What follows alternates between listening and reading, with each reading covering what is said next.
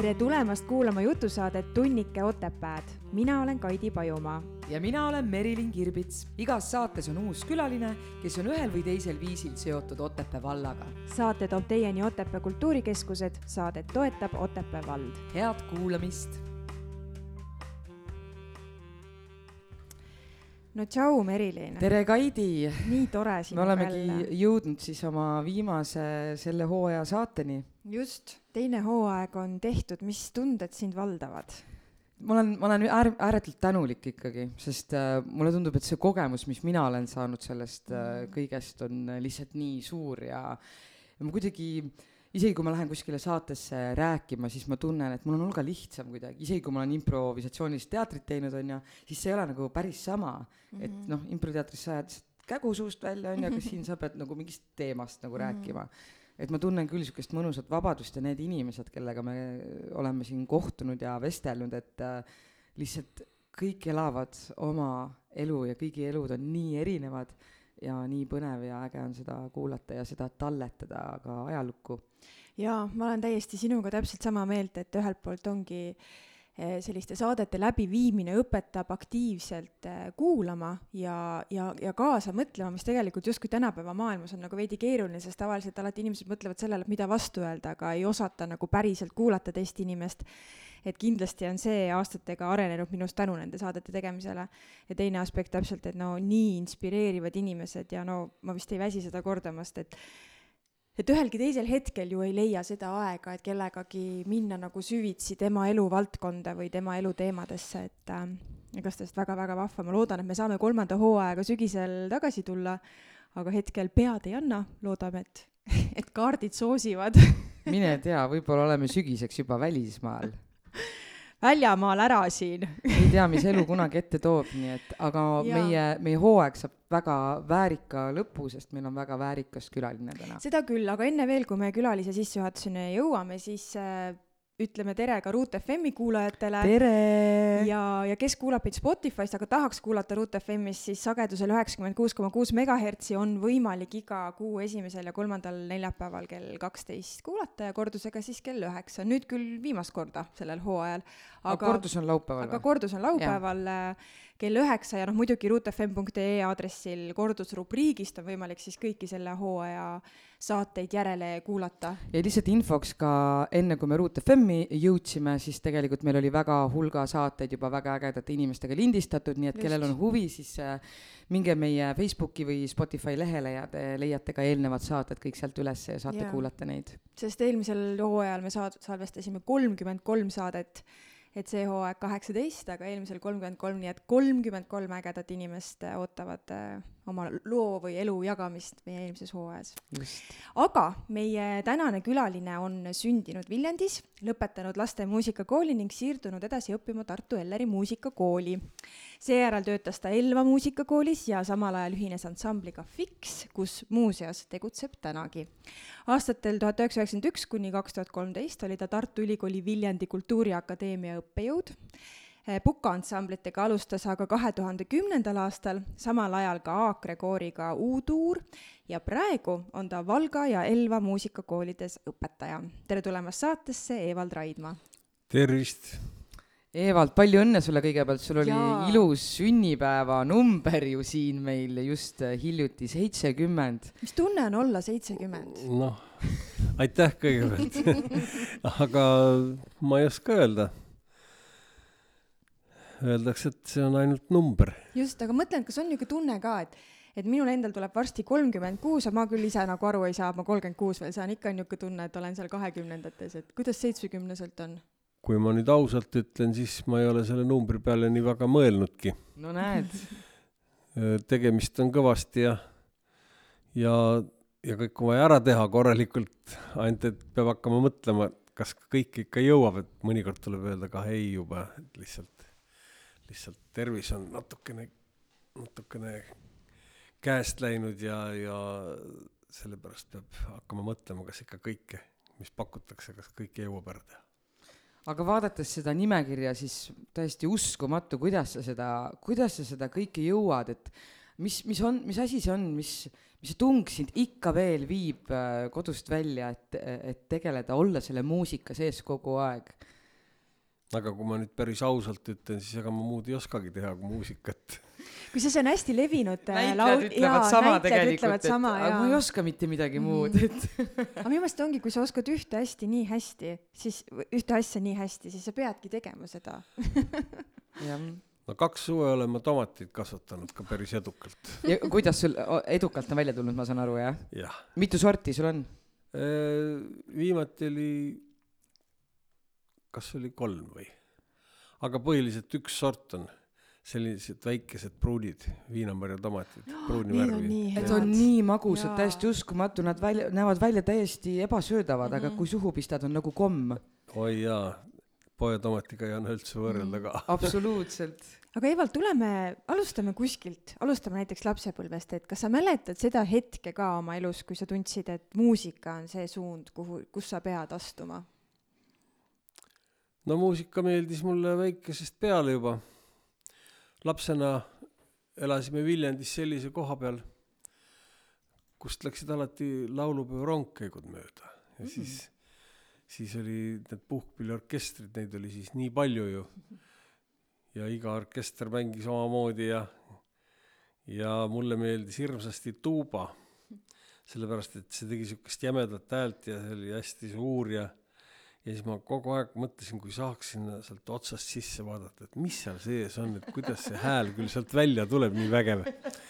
selline ja puhkpilliorkestri muusika meeldis mulle väga.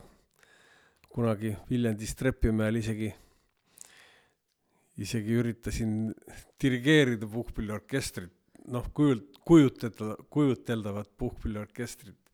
seal oli selline niisugune koht, kus suviti mängis vahepeal puhkpilliorkester lihtsalt niisama enda lõbuks ja rahva rõõmuks Mm. mm.. inimesed käisid mööda, kuulasid, läksid jälle edasi. ja siis seal oli selline poodium ja pingid ja siis ma ronisin sinna poodiumi peale ja kukkusin sinna pinkide poole juhatama kõvasti. ma ei mäleta, ma olin siis vist mingi nelja või viieaastane või midagi sellist, aga mulle noh, oli juba meelde jäänud ja ja siis ise laulsin vist kõva häälega kaasa ka ja kui ma siis korraga ümber pöörasin, nägin, et inimesed seisid ja vaatasid, siis ma muidugi ehmatasin hirmsasti ära. see oli siuke huvitav seik jälle lapsepõlvest on meelde jäänud. et see huvi ikkagi selle muusika vastu oli tugev nii-öelda. nojah, ikka võib öelda, oli küll ja me- meeskoori laul meeldis mulle kangesti ja ja eriti muidugi meeldis mulle veel Villem Kapi Põhjarannik, selline, selline kooriteos. See on ikka niivõrd võimas ja seda ma olen laulupeol kuulnud ka ja ja kui veel raadiost, raadiost tuli nii, et Orel saatis seda veel, siis see oli ikka nii, et ajas kohe kananaha ihu peale.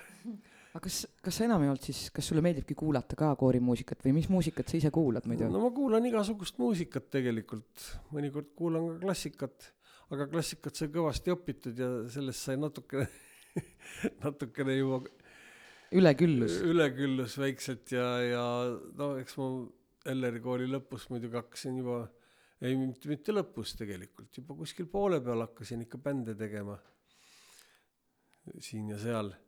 ja muidugi mul oli väga hea õpetaja, kui ma esimesele kursusele läksin, Peeter Lilje. tema õpetas mulle kõik need tuurimärgid selgeks ja, ja seletas, kuidas käib improviseerimine ja ja tänu temale ma saingi selle õige rea peale, nagu Peetril oli korralik muusikakogu, lindikogu, siis ta meid haris seal. noh, Peetri noorem vend Riho, me olime ühel kursusel, me saime kohe suurteks sõpradeks ja siis me, siis me olime seal Peetri juhatada niimoodi, see üks aasta kahjuks küll ainult, aga aga see oli, sellest oli väga palju kasu. järgmine aasta, see oli tuhat üheksasada kuuskümmend üheksa, kui ma olin teisel kursusel siis me tegime Rihoga juba esimese bändi, hakkasime Tartus ülikooli kohvikus meeleolumuusikat tegema. ja meil oli veel, Riho mängis tookord trummi, Tarmo Pihlap mängis kitarri ja siis üks kolmanda kursuse, tähendab siis ta oli küll neljandal kursusel juba, Aleksander Verte, ta oli kah Valga muusikakoolis tükk aega õppejõud hiljem. tema, tema siis mängis kontrabassi mina olin klaveri peal, siis niimoodi mängisime. pidime direktori käest loa saama, kuna me olime alaealised, saime ka. aga kas see, kas see vajadus seda bändi teha oli nagu armastus muusika vastu või te saite selle eest ka kopikat? äh, no see raha, mis tookord sai, see oli niisugune sümboolne, võiks öelda mm. -hmm. mingi kolm rubla õhtu pealt või Mm -hmm. aga ikkagi no kolm rubla oli, sellel ajal oli kolm rubla päris suur raha, sellega sai kolm korda vähemalt korralikult söömas käia. no näed. jaa, see oli ikka mitte nii nagu praegu aga sa jõudsid klaveri õppimiseni? Äh, õppisid sa klaverit, on ju äh,, jah, jah, laste muusikakoolis ma õppisin ka klaverit. Viljandis nii oli? Viljandis Mhm. jah. ja mul oli väga, väga tore õpetaja Aili Saar, kes ka praegu on täiesti alles veel, ma olen tal isegi külas käinud ühe korra oh, ja tal oli väga hea meel. eelmine suvi käisin tal külas, ta on nüüd juba üle üheksakümne, aga me ajasime päris pikalt juttu ja ta lootis, et, et, et see ei ole mitte viimane kohtumine meil, nii et ta mäletas mind päris hästi. äge. teeme siinkohal väikese pausi ja siis tuleme tagasi.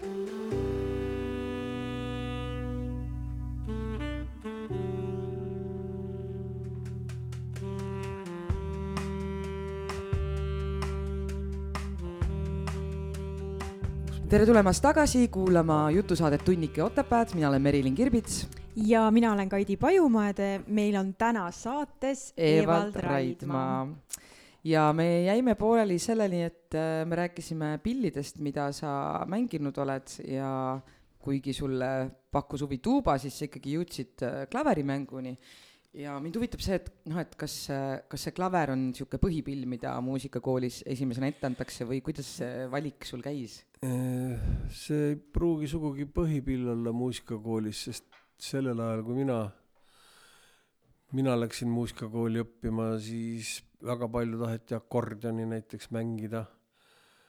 see oli päris, päris populaarne. kuigi see on nii keeruline pill ju, ei ole? noh, kõik pillid on keerulised omamoodi, ega siis ükski pole lihtne ju. ei muidugi, ma ei mängi ühtegi aga pilli.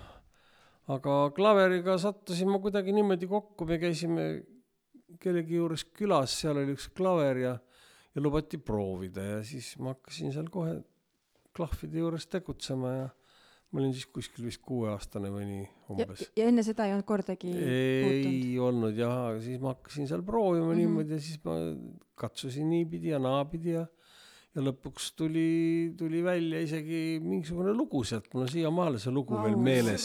tavaliselt öeldakse, kuule ära klimberda seal, me ei saa rääkida siin. mul kuidagi, kuidagi tuli ja midagi, mul on, ma umbes mäletan, umbes mäletan, mis ma seal kokku siis nikerdasin niimoodi. mäletad?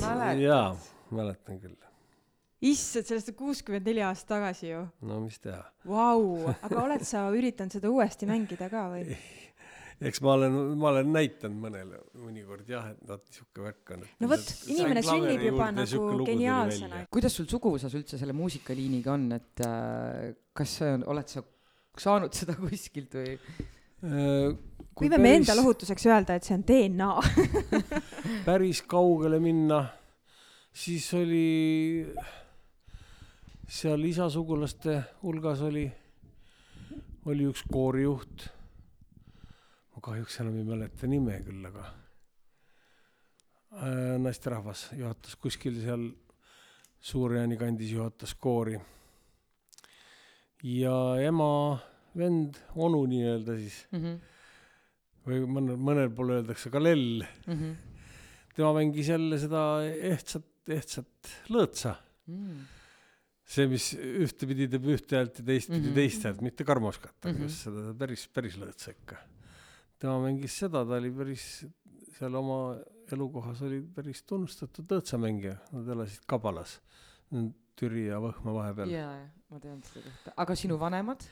Eh, isa ja ema käisid kooris laulmas, Viljandis oli selline segakoor nagu Koit ja siis nad seal käisid laulmas. isa mängis natukene kitarri, seitsmekeelset mm.. mida mina muidugi pärast kakkusin ühe keele pealt ära ruttu, tegime kohe kuuekeelseks. miks nii, ma ei tea sellest midagi. Mida sellepärast, et seitsmekeelne, see on teistmoodi häälestus, see nimetatakse vene häälestus Mm. ja seal mängitakse hoopis teistmoodi tehnikaga kui, kui kuuekeelset kitarri, sest praegu kõik need bändid ja, ja kitarristid kõik enam, enamjagu mängivad ikka kuuekeelse kitarri, kes okei. on Hispaania häälestus ja siis oli vaja teha muidugi sellest kähku Hispaania häälestus ja hakata seda õiget asja ajama ikka.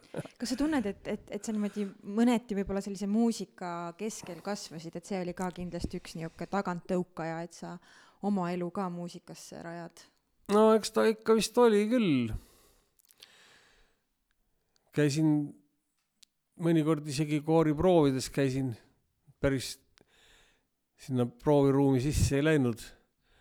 ukse tagant kuulasin, kuidas nad laulsid siis ja kuidas nad seal proovi tegid ja päris vahva oli. Merilin ütles mulle, et sa ise laulad ka nagu lõoke, nii et ei, eks ma hakkasin jah väiksest peast juba laulma küll, viisipidamine oli kohe, oli olemas. ei olnud vaja eriti ärgitada ega õpetada kuskilt midagi. nii et laste muusikakooli minekuks oli mul laulusid juba küll ja küll. Seal ju küsitakse mingit laulu alguses kohe mm. -hmm. ja, ja ikka laulsime päris korralikult, ei olnud häda midagi. vaata, üks asi on tegelikult äh, lihtsalt äh, muusikariista mängimine või laulmine, aga teine asi on muusika loomine. et äh, kust see muusika loomine sinu puhul alguse saab, kuidas sa, kuidas sa nagu tundub, Noh, et sa kus- kuueaastaselt juba, kui ta klaveri taha istus. just, et oled sa selle peale nagu mõelnud, et kus see ei oska nagu päris, päris täpselt öelda. vahel tuleb mõni selline hea idee pähe.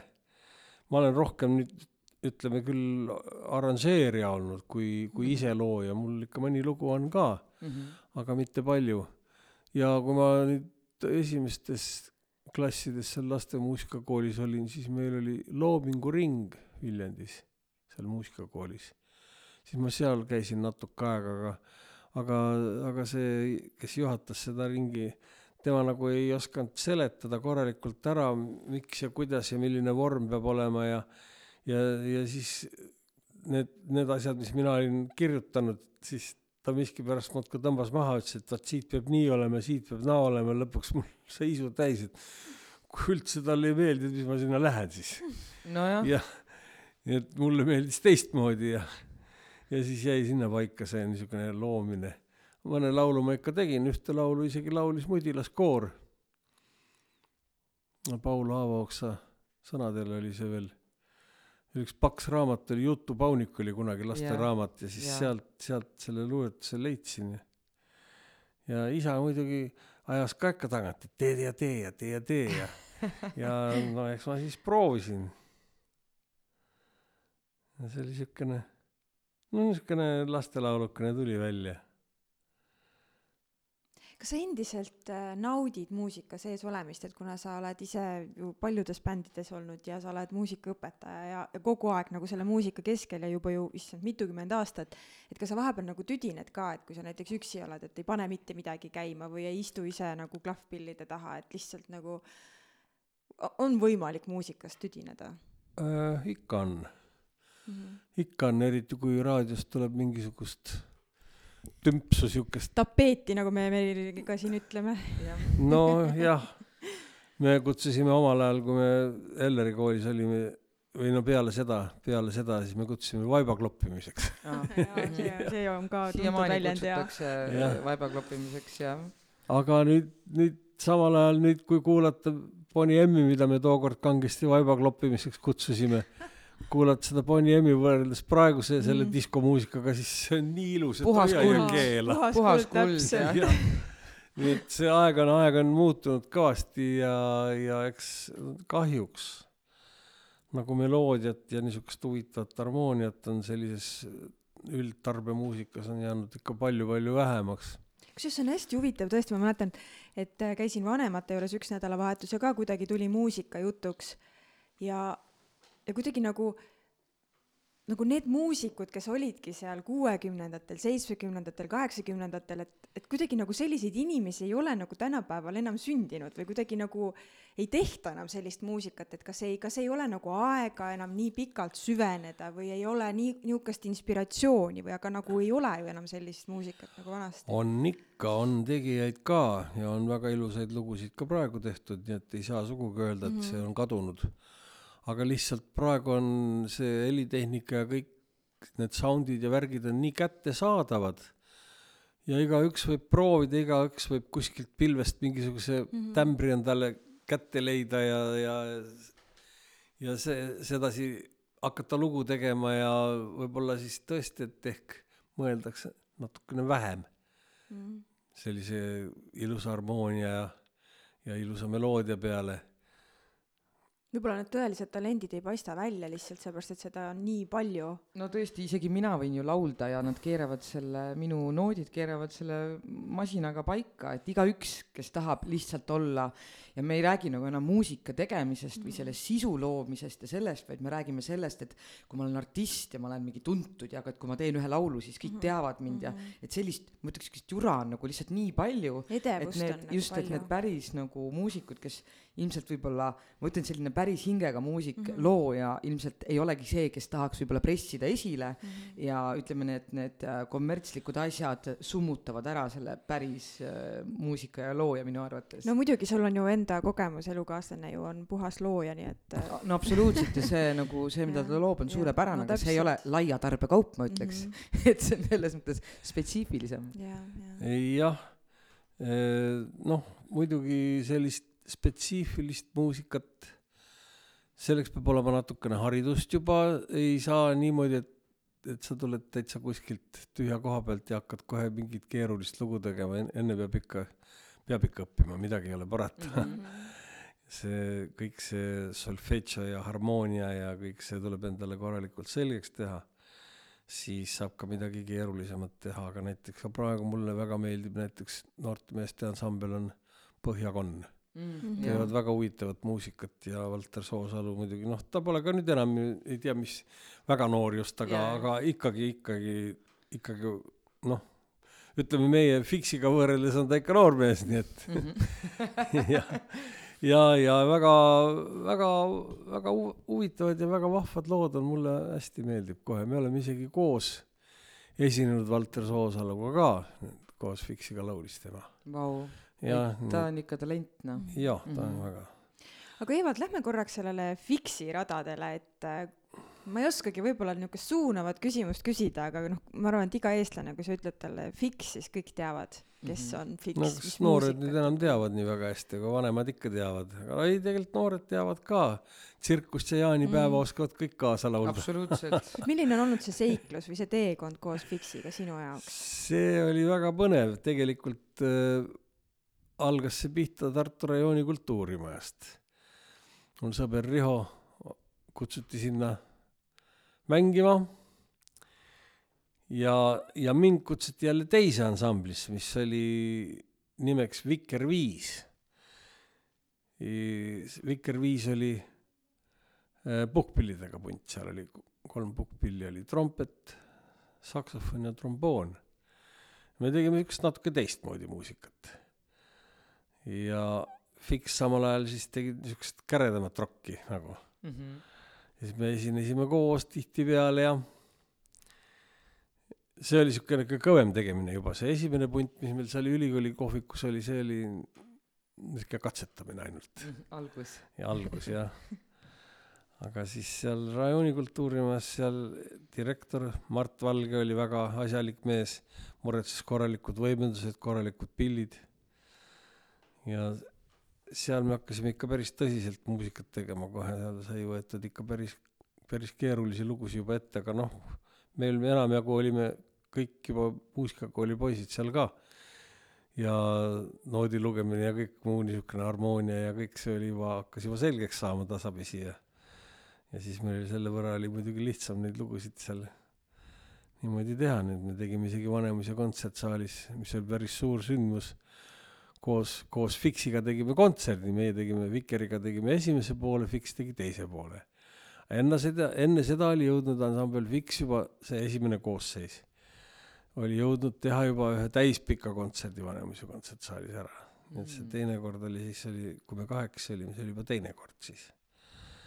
ja aga Fixiga oli siis see häda, et eh, kõik hakkasid ülikooli lõpetama ja noh, sellel ajal oli ju niimoodi, kui sa lõpetasid ülikooli ära, siis suunati kuskile tööle Mhm. ja seal ei küsitud, kas sa tahad või ei taha, läksid ja kogu lugu. no ja siis oligi niimoodi, et järgi jäi Väino Land ja Riho Lilje jäid järele ja kuna mina olin siis hirmus entusiast basskitarri peal ja siis ma hakkasin äh, Helme Mardi asemel hakkasin siis basskitarri mängima Fixis. kas sa olid ennem mänginud basskitarri? ma õppisin ise Aa, ühikas, ise ühikas. õppisid, vau. noh, eks seal mõni vanem, vanem näitas ka vanem mm. -hmm. vanem kursuse või noh, kooli, koolivend, Mhm.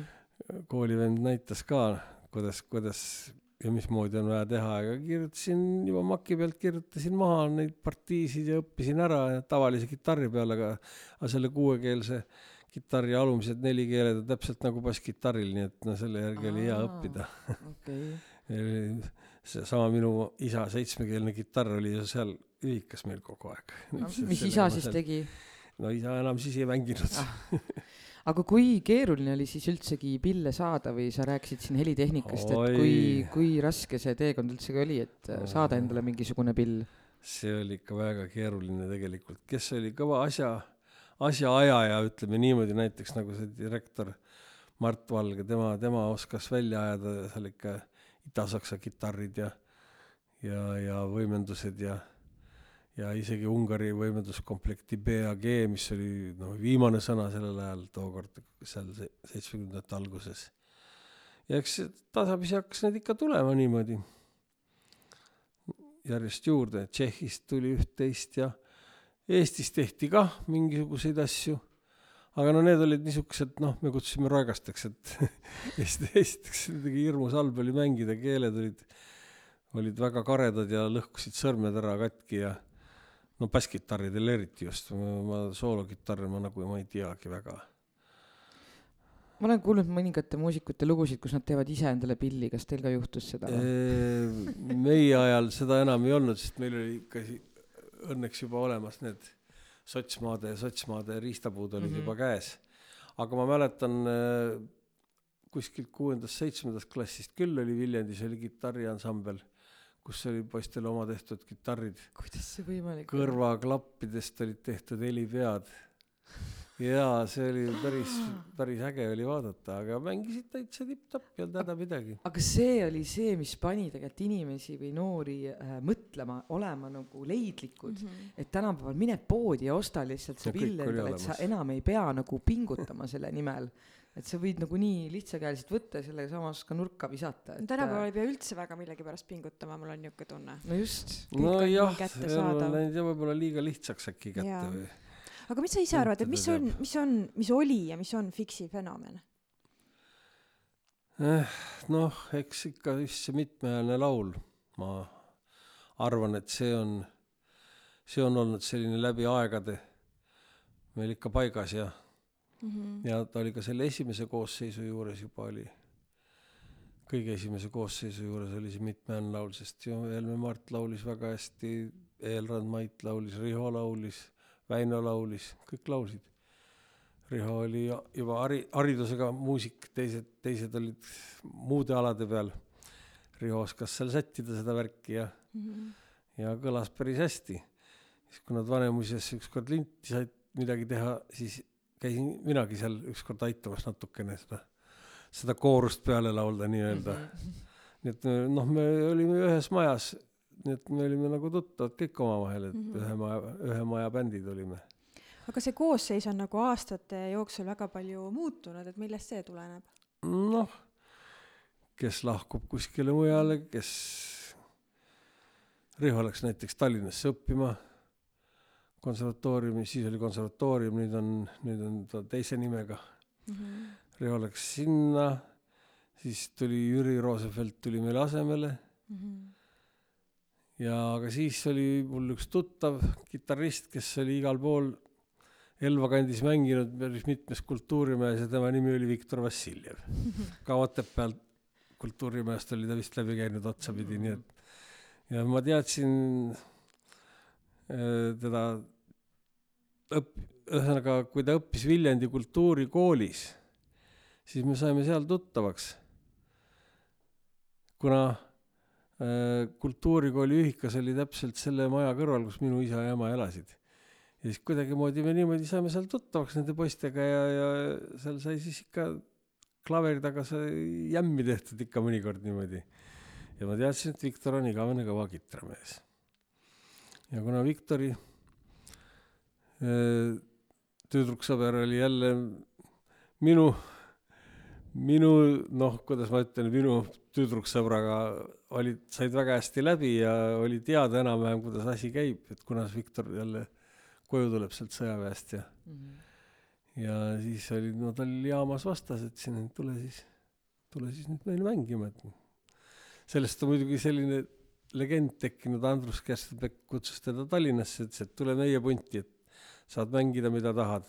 siis oli Suveniirist oli keegi, ma ei mäleta, kas, kas, kas Tiit Koppel või, et tule meie punti, et saad maru palju raha. igaüks pakkus midagi. aga mina läksin, ütlesin, et tule, tule meile, et saad mängida, mida tahad ja saad raha ka ja siis Viki, Viki tuligi meile. Tuli Vanemuisesse proovi kohe kaks päeva peale seda, kui ta sõjaväest tagasi jõudis, tuli juba Vanemuisesse proovi, me olime siis juba otsapidi Vanemuises Mm. ja võttis selle, sellesama saksa kitarri seal ja tegi sellega siukseid hääli, et Jüri Rosenfeld ütles selle peale, mina lähen ülikooli tagasi, mina rohkem kitarri enam ei mängi. ei, ta hakkas muidugi mängima ikka hiljem pärast ka ja ta käis meiega kooski mängimas veel ja, aga ülikooli läks tõepoolest tagasi, õppis psühhiaatriks. Jah. nii et ta tegelikult lõpetas juba ülikooli, tal oli juba läbi käidud, ta oli spordimeditsiini läbi käinud Mm. aga siis ta läks teist korda uuesti, tegi psühhiaatria kursuse kah läbi veel. ma ma pean kasutama Evald juhust ja küsima, et äh, kuna ma ise olen olnud noh, nii palju, kui ma ennast mäletan, väga suur Silvi Vraidi fänn, siis äh, kuidas oli temaga koostööd teha või milline ta inimesena niimoodi bändi liikmena oli? No Silvi oli, Silvi oli tegelikult väga tore inimene, väga suure südamega, Mm. aga noh, vahetevahel oli ta natukene kinnine, kui tal mingi mure oli, siis ta kohe võib-olla ei, ei hakanud kohe kõigile kurtma või niimoodi Mm. ja eks, eks meiega, meiega oli tal ikka parasjagu raske ka, üks paras, paras poistejõuk, kes igasuguseid lollusi vahetevahel tegi ja aga no mitte väga, väga õnneks, nii et ja me saime päris hästi läbi ikkagi ja, ja, ja noh, mingi no eks ta mingisuguse, mingisuguse niisuguse natukese laulukooli võib-olla sai ka natukene juurde ja, ja muidugi ta kuulas kohutavalt palju, ta tegi iseenda kallal tegi ta väga metsikut tööd, nii et Mm. mm. Mhm. ta oli üks väga-väga kõva tööinimene selle koha pealt, nii et ja kui ma olen alati Silvist rääkinud, et ta oli täiesti Eesti muusikas nähtus omaette kohe Mhm. Nii et on temast on ääretult kahju.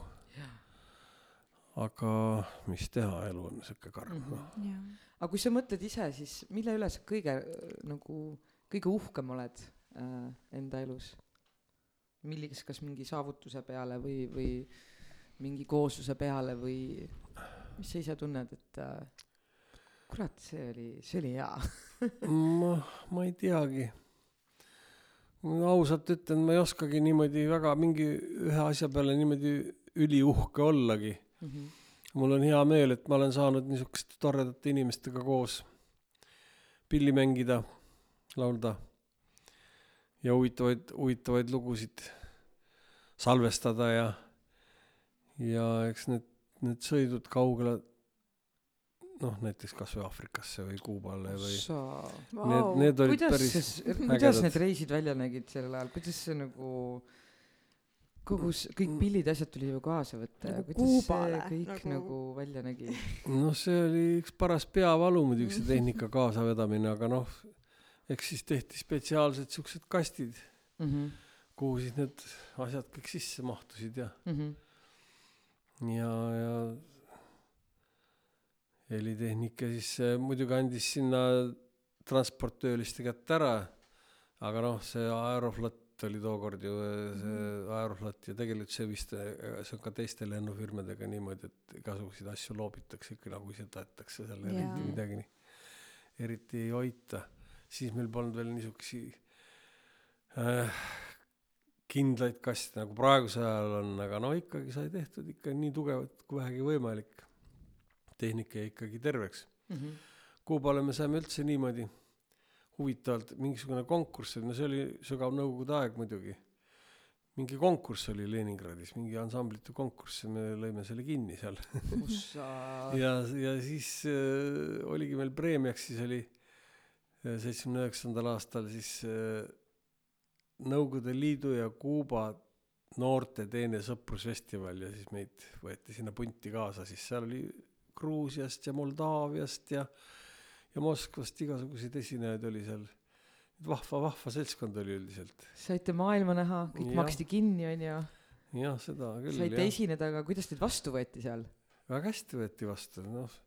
no me tegime, üritasime ikka niisuguseid särtsakaid lugusid teha ka ja, ja, ja noh, seal need inimesed on ikka küllaltki keevaverelised mm, -hmm. nii et see, seal on muidugi kaks, kaks eri rida oli tookord, üks oli selline hispaanialik, selline natukene meloodilisem ja teine osa oli sihuke afro, afrorütmidega ja, ja aga oli ka selliseid, selliseid ansambleid, mis nagu omavahel oli nii ühte kui teist.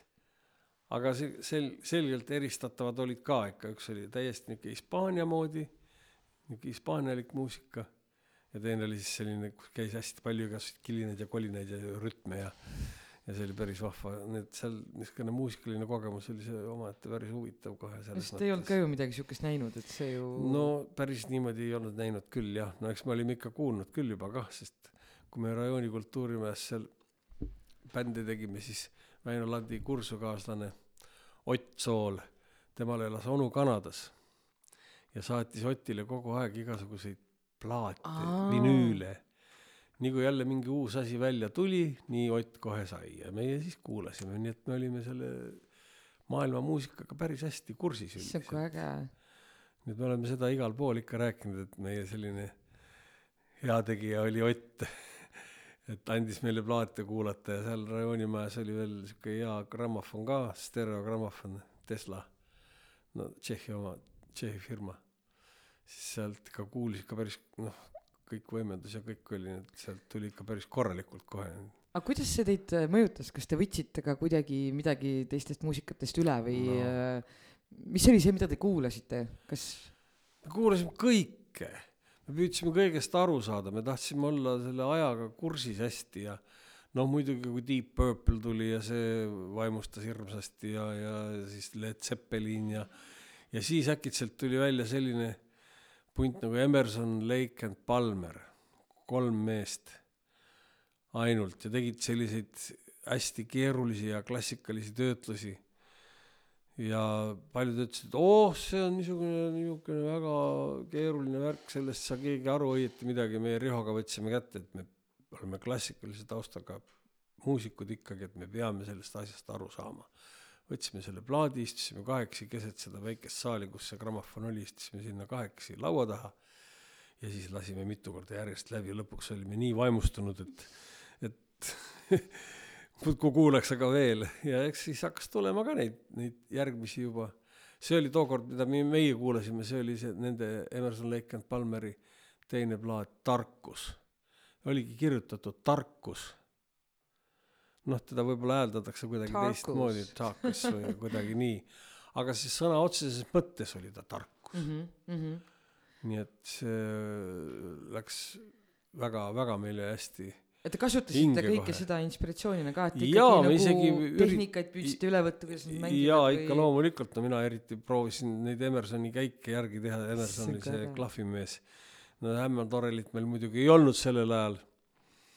aga noh, üritasime vähemalt mm. -hmm. midagi teha. paar asja olid sellised, mis oli natukene hakkas hammas peale, siis me isegi katsusime seal tantsupeol maha mängida. aga noh, see oli noh, lihtsalt proovisime, et kas tuleb välja või ei tule, ikka saime hakkama enam-vähem, väga, väga hull ei olnudki see värk. et see oli, see üks niisugune omamoodi elamus oli see, eks me muidugi kuulasime seal veel noh, puhkpillidega punte või nagu me ütlesime, torudega punte, Chicago ja Blood, Sweat and Tears. Need olid niisugused väga suured lemmikud meil. sealt sai tehtud ka mõned lood ära, nii et Elva festivalil seitsmekümne teisel aastal me Viker viiega või siis ta oli küll Viker juba lihtsalt ilma viieta, sest nüüd oli rohkem natukene sealt me tegime, seal isegi Eino Maripuu võttis kaheksa millimeetrise kaameraga võttis üles ja pärast muidu kuidagi sokutas heli ka juurde sinna veel, ma ei tea, mis imenipiga. ja tegime ühe Chicago loo, tegime seal Elva festivalil ära selle Vikeriga. ja läks väga hästi peale rahvale. sest noh, Chicago oli ikka sellel ajal, ta, ta oli küll tordega punt, aga ta, ega ta ei olnud selline noh, nagu öeldakse, et estraadipunt mm, -hmm. ta oli Mhm. ikka selline tordega rokk või ütleme mm. -hmm. niimoodi, väga, väga äge värk oli. Aga noh, ma ikka guugeldasin ka sind ja Google ütleb sulle, et sa oled Kuldses Trios mänginud. kuidas see juhtus? see juhtus, see juhtus niimoodi, noh, esiteks me trio, trioga olime ammu tuttavad juba, sest Vello Toomets tuli triost ära, tuli Fiksi. aa, niipidi, okei, jah, okei. sest Tel- Toometsa Vello oli ju alguses seal see alustaja liige nagu. aga, aga siis Väino rääkis augu pähe talle ja Velts tuli Fiksi, aga siis ta võeti sõjaväkke. noh, kahjuks. nii ja pärast, kui ta sõjaväest tagasi tuli, siis ta mõnda aega ei olnud Fiksis, oli jälle trios, siis ta tuli ikka jälle Fiksi tagasi. ja me teadsime, noh, Velts muidugi vedas need lindid ja värgid kõik kaasa, mis trio oli juba teinud ja me teadsime päris hästi seda repsi mm. -hmm. noh, niimoodi oskasime või noh, kas nüüd lausa mängida just, aga ütleme, et hästi teada, teada mm. -hmm., tuntud oli see kõik see värk. ja siis, kui Jüril hakkas tulema, Jüri Vlassovil hakkas tulema juubel kuuskümmend, mina olin parasjagu, olime abikaasaga Pärnus tervises, mõneks päevaks puhkama läinud sinna ja Jüri tuli sinna, kuule, ajame natukene juttu, kutsus, kutsus meid kuskile kohvikusse ja hakkas rääkima, et kuule, sina ikka tead neid meie lugusid päris hästi ja ja teeks ühe väikese siukse tiiru Eesti peale. noh, niimoodi mitte mingite helikandjatega, aga päris otsekohe. sest noh, alguses nad mängisid ju ka päris, otse ja noh, ei kasutanud neid igasuguseid mm. -hmm. tümpsuvärke ega midagi. ja ma noh, mõtlesin, hea küll, ma tean küll ja tegime siis mõned proovid ja sättisime kõik koorused jälle ilusasti paika, kõik kõlama ilusti, need kolmehäälsed asjad, kolmekesi laulsime ja ja siis me lasime mööda Eestit natuke ringi niimoodi. tegime veel Pärnu teatris Jüri suure juubeli ära ja peale seda ka veel siin ja seal. aga noh, neid kutsuti ikka tantsuõhtutele hästi palju, kuna neil see tümpsuga värki oli küllaltki palju ja siis ma tasapisi nagu, tasapisi nagu jäin sealt kõrvale, sest noh, nad kahekesi Mihkliga tegid selle töö kõik ära ja ei olnud üldse suurt midagi, mis ma seal ikka. ja polnud nagu aega ka, et ma olin siis juba Viljandis Kultuuriakadeemias olin Mm. mm. õppejõud siis juba sellel ajal ka, et ma ei saanud ka enam nii väga. Fiksiga oli kah suht vähe. nii et no midagi ikka jälle jõudis teha mm, -hmm. nii et noh. siis Viljandis oli meil selline ansambel nagu EVE projekt. seal, seal ma lõin kaasa päris hulk aega. teeme siinkohal Evald ühe väikse pausi ja tuleme siis selle projekti juurde tagasi.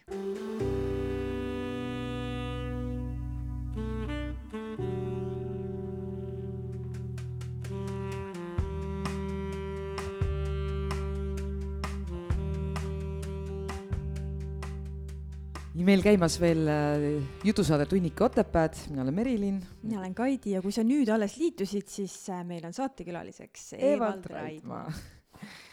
nii, me jäime su ühe projekti juurde, katkestasime sind ennem. ei ole hullu. siis me jah, tegime sellise ansambli nagu EVE projekt, aga miks ta EVE projekt just oli, sellepärast alguses me olime kolmekesi, Eeri, Valmo ja Evald. ja esimene mäng oli meil äh, ühes restoranis, mida esimese vabariigi aeg kutsuti Eve Maja Mm. ta on praegugi vist on Eve Maja. ja seal oli meil esimene mäng ja siis me vaatasimegi, mis me ansambli nimeks paneme, paneme Eve projekt, sest alguses oli tõepoolest nagu projekt. hiljem lisandus meile veel neljas, neljas mees juurde. Aga nimi jäi ikka samasuguseks, no mis me siin enam muudame ja, siis. siis me kokku vist oma viisteist aastat sai mängitud Vau. niimoodi ikka vahelduva eduga. no seal oli muidugi juba, juba läks asi natukene noh, ei olnud päris otse kõik seal põhjade peal ja mm. noh, trummi, trummimasinaga ja niisugused asjad olid, et algul oli küll niimoodi, et see Eeri eh, mängis eh, sündi peal mängis käsitsi trummi sõrmedega. nii et see oli nagu suhteliselt sihuke otsevärk oli selles mõttes bassimees oli ja ja mina mängisin kah otse ja, ja laulsime ka kolmehäälselt ikka jälle ja oh. ja siis ma olen peale selle EVE projekti olen veel käinud sellises pundis, Tõrvas oli selline ansambel nagu Simple Man. ja kuna minu üks äh, akadeemia, siis oli veel kolledž küll vist ja Viljandi kultuurikolledž, üks minu õpilane käis läbi selle bassimehega väga hästi, siis kutsuti mind sinna Simple Mani appi, mm. -hmm. siis seal sai ka jälle häälsus paika pandud ja kas sa ise oskad nimetada ka, kui mitmes koosluses sa oled üldse kaasa löönud? tõesti, neid tundub nagu noh, siin ma loen isegi Künf, In Mail, Melody, veel on neid kindlasti, mida ei ole kirja pandud. vot ma ei nüüd seda in-maili ma hästi ei mäleta küll. Melodi on, Melodi tegutseb praegugi. kahekesi lihtsalt noh, käime äh, niisugust meeleolumuusikat, tantsumuusikat tegemas vahetevahel. mit-, noh, nüüd ei ole enam väga palju käinud, mul see tervise, tervise jama, aga ikka Melodiga me oleme päris tükk aega käinud kahekesi niimoodi. mõnikord on ka Melodi pluss on kolmas mees ka veel juures. tähendab, see on siis Meelis Külaots, kui pluss on, siis on Anti Mehine ja mina olen siis kolmas. okei, jah, aga Fixiga te ka ju käite ikkagi siiamaani käite esinemas, kui palju teil on esinemisi? noh äh,, väga palju ei ole, sellepärast kõigil on ju omad tööd ja tegemised, aga aga suvel tuleb meil nüüd, peaks tulema väikene tuurikene, mingi neli-viis kontserti umbes. Väga äge. ja sellest saab kindlasti, kindlasti Anu saates tehakse sellele reklaami ka, mai, maikuus me lähme salvestama Väga Tallinnasse, nii et küll siis Anu räägib pikemalt sellest asjast või, või räägib Väino siis ükskõik. aga ühest asjast, millest me ei ole rääkinud, on see, et äh, esiteks see, kuidas sa jõudsid äh, Pukka. Sa elad hetkel, ma saan aru, Aakres, eks ole? kuidas sa sinna piirkonda jõudsid oma eluga, mik-, noh, ütleme nii, et sellises Fiksis olles oleks võinud ju, ma ei tea, Tallinnas elada, mis iganes, aga et kuidas sa jõudsid Aakresse? no see oli jälle selline asjade kokkusattumus. minu abikaasa lõpetas kõrgkooli, tähendab, tegi bakalaureuse sotstööalal seal Lääne, Lääne-Viru rakendusliku kõrgkooli lõpetas. Mhm. ja, ja Viljandis tookord ei olnud talle tööd pakkuda. aga meil oli siin tuttavaid Valgamaal ja need pakkusid, et Paju pansionaadis on sotstöötaja koht vaba. Viljandist oleks olnud väga kaugel käia. aga just samal ajal meil oli Fixiga neljakümne viies juubelikontsert või oli ta neljakümnes, ma ei, praegu ei mäletagi täpselt päris neljakümnes vist ikka oli Saku Suurhallis jah, Apelsin oli seal külas meil veel ja ja tuli üks Tallinna mees ka, keda ma tundsin juba, juba ammu-ammu, pillimees. ütles, temal on vanaisa talu Lõuna-Eestis, et kas sa ei tahaks või kas sa ei teaks kedagi, kes oleks noh, nagu nõus suvekoduks või noh, et kes hoiaks asjal silma peal, et asi ära ei lagune ja aga kuna mina teadsin, et noh, oleks kuskile sinnapoole vaja nagu minna selle selle töökoha pärast, just selle sotstöökoha pärast. siis mul oli abikaasa oli kaasas ka, ma läksin kohe taha ruumi, küsisin, et mis sa arvad. tema ütles, et miks mitte. siis ma läksin selle pillimehe juurde tagasi, ütlesin, et ma tean küll, kes tahab, mina tahan. niimoodi käivad asjad. jah. ja siis oligi kaks tuhat üheksa aasta siis, kui ta lõpetas. lõpetas selle ära, selle kooli seal. Siis me hakkasime ennast vaikselt Aakrist sisse seadma, seal vanas majas siis. no eks seal tuli muidugi kõvasti remonti teha ja, Mm. ja nii et see oli päris üks paras, üks paras katsumus, aga me saime hakkama meil on jäänud tegelikult veel mõned minutid tunnike Otepääd saadet. On sul endal mõni äh, mõte, millega sa näiteks täna siia saatesse tulid, mida sa tahaksid jagada, aga mida me võib-olla ei ole osanud äh, küsida sinult? ma üldiselt kardan kõiki intervjuusid ja see, ma ütlen ausalt kohe, sest ma tean, et ma väga hea jutumees just ei ole. et paljud räägivad paljud räägivad ikka, lasevad ikka nagu raamatust kohe, aga mul on sellega tegemist. Et ma juba, esiteks ma püüan, püüan vältida igasuguseid parasiitsõnu ja aga ikkagi tuleb vahel sisse, siis on jälle piinlik natukene sa oled liiga kriitiline ja väga enesekriitiline praegu me ei ole Jaa. vist Kaidiga nii vähe üheski saates rääkinud Ei nagu, täna nii et äh, et räägid küll nagu raamatust. aga üks üks asi on minu jaoks küll veel mida, mida me tegelikult ei ole puudutanud ja Mhm. see on see äh, õpetamine ja juhendamine et kuidas sa jõudsid selleni et aa, kuidas äh, ma jõudsin Pukka jah, ja Aakresse. just et sa oi, see oli päris huvitav lugu, selle ma räägin teile kindlasti ära.